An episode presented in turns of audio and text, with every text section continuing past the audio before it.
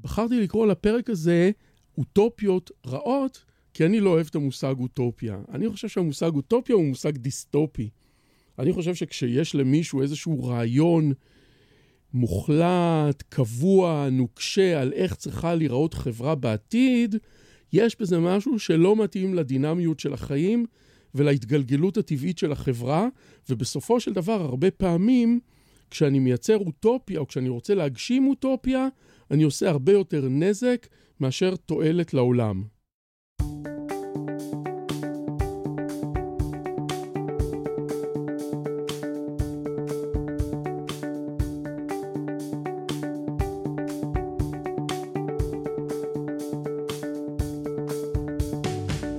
מיטיבי קשב, פודקאסט הראיונות של מכון אבשלום. אני מיכל לברטובסקי, והפעם אושי שוהם קראוס. דוקטור לפילוסופיה של הכלכלה, עוסק בחדשנות פיננסית ובלימודי עתידים, שידבר איתנו על אוטופיות רעות.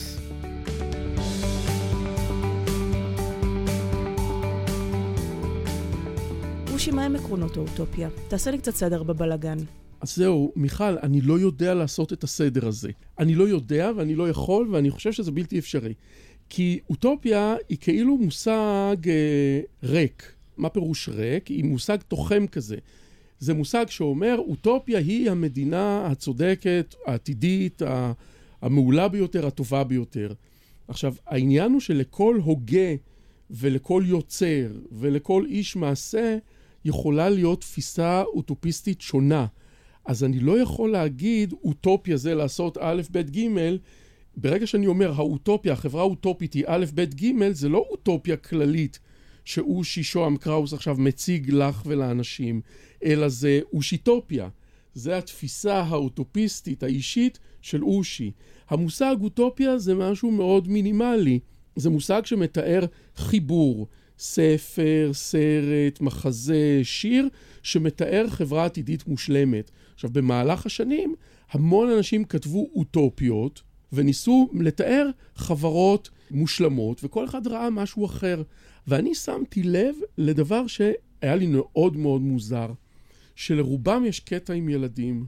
רוב האוטופיסטים, יש להם איזשהו קטע, ש... קטע עם ילדים, והם לא אוהבים שהילדים שלנו נמצאים איתנו במשפחה שלנו. רובם, מתעסקים, רובם כותבים ככה, ואת רובם זה נורא מעניין, הדבר הזה.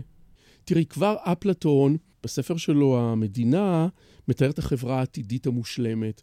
ובשביל שהחברה תהיה מושלמת, הוא אומר, צריכים שינהלו אותה אנשים שיודעים לחשוב. אני ואת, אנחנו סתם פרשים, לפי אפלטון. אנחנו לא הכי חכמים בעולם, ולכן אנחנו לא יודעים את האמת, ולא יודעים את התשובה האמיתית על כל דבר שיש לפי אפלטון. לפי אפלטון קיימת כזאת תשובה.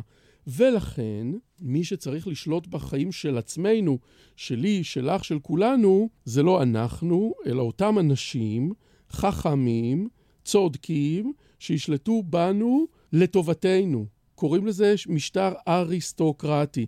אריסטוי זה הטובים ביותר. משטר אריסטוקרטי זה שהטובים ביותר שולטים על הפושטים לטובת הפושטים והפרשים. אוקיי? עכשיו, זה מה, ש...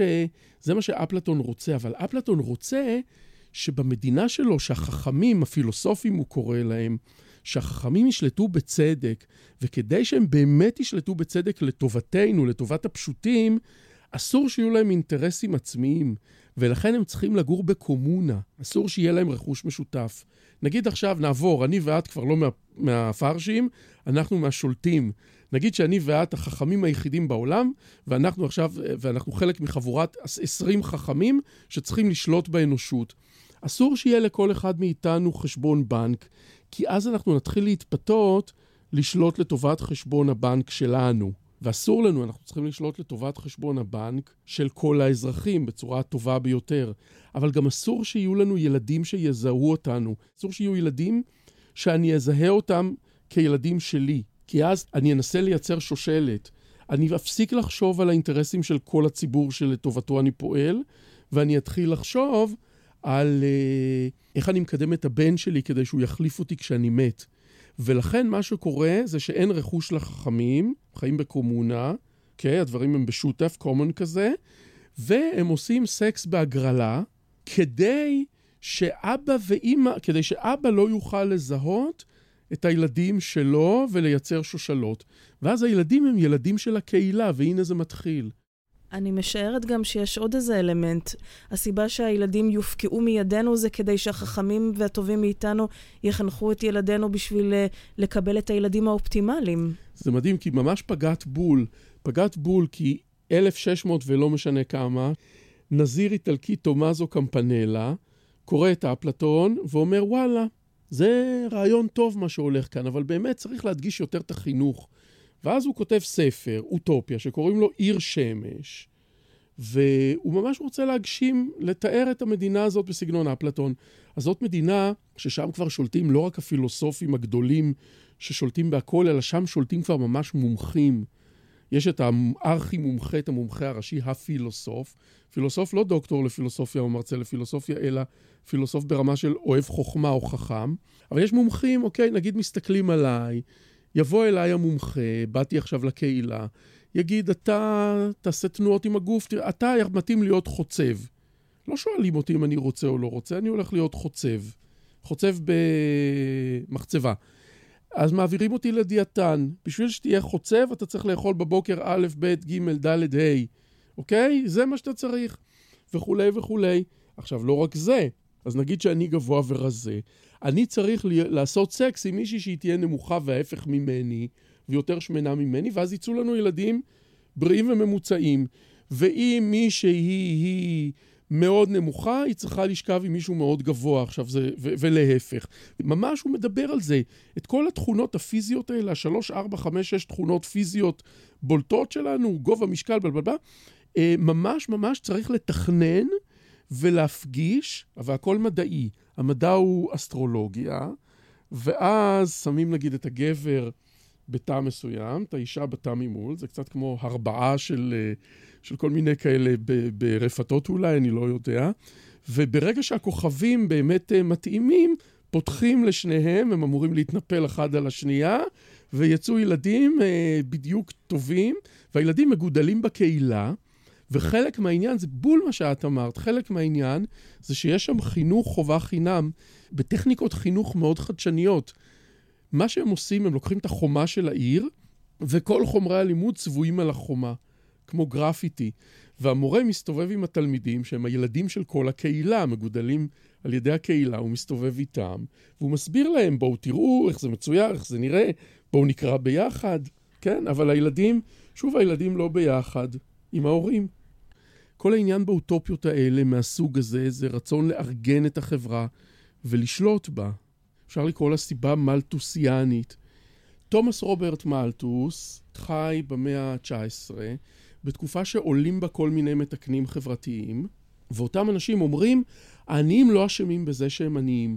ולכן זה לא הוגן שהשכונות יהיו כאלה מטונפות ועם אה, מחלות והביובים זורמים על הרצפה וצפיפות ובלי אוויר. צריך לטפח את העניים. זה, זה הסגנון, הוא גם טיפה מתנשא, אבל לפחות הוא חיובי.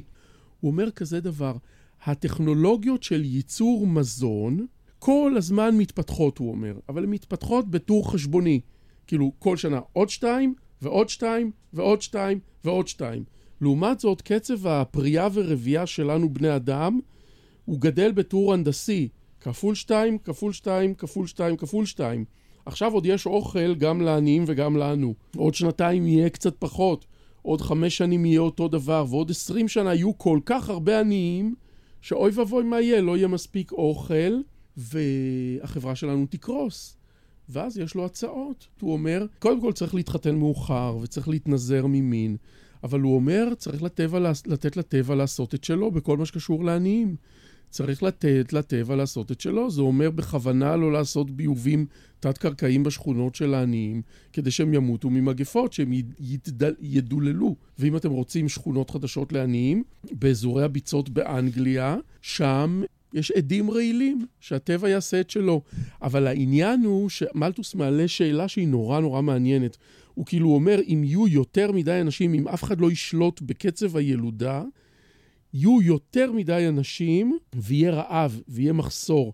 וחלק גדול מהאוטופיסטים, מה שהם רוצים לעשות זה חברה צודקת, שיהיה בה מספר מדוד של אנשים, אבל שלכל אחד מהם יהיה מספיק אוכל ומספיק בריאות ומספיק שירותים חברתיים.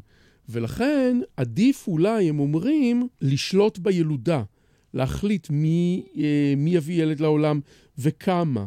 שהדבר הזה לא יהיה עניין של רגש, משיכה מינית ושוק חופשי שרומז לנו אולי מתי כדאי לנו להפסיק להוליד וללדת.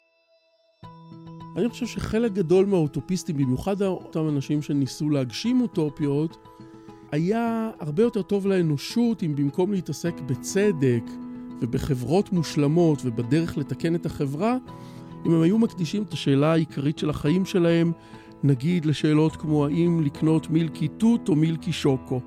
אם האנשים האלה היו מתעסקים באיזה טעם הם היו רוצים למילקי שלהם, במקום בניסיון להציל את העולם, המון המון אנשים לא היו מאבדים את החיים שלהם. זה היה דוקטור אושי שוהם קראוס שדיבר איתנו על אוטופיות רעות. אם אהבתם את אושי, תוכלו לשמוע אותו מרצה באחד מהקורסים הרבים של מכון אבשלום. לעוד ראיונות מרתקים עם מיטב מרצה המכון, תוכלו לפנות ישירות לאתר שלנו. פשוט תקלידו מכון אבשלום בגוגל, אנחנו נהיה התוצאה הראשונה שתופיע. תודה לאושי, לצוות המכון ומכללת BPM. אני מיכל אברטובסקי, ניפגש במכון.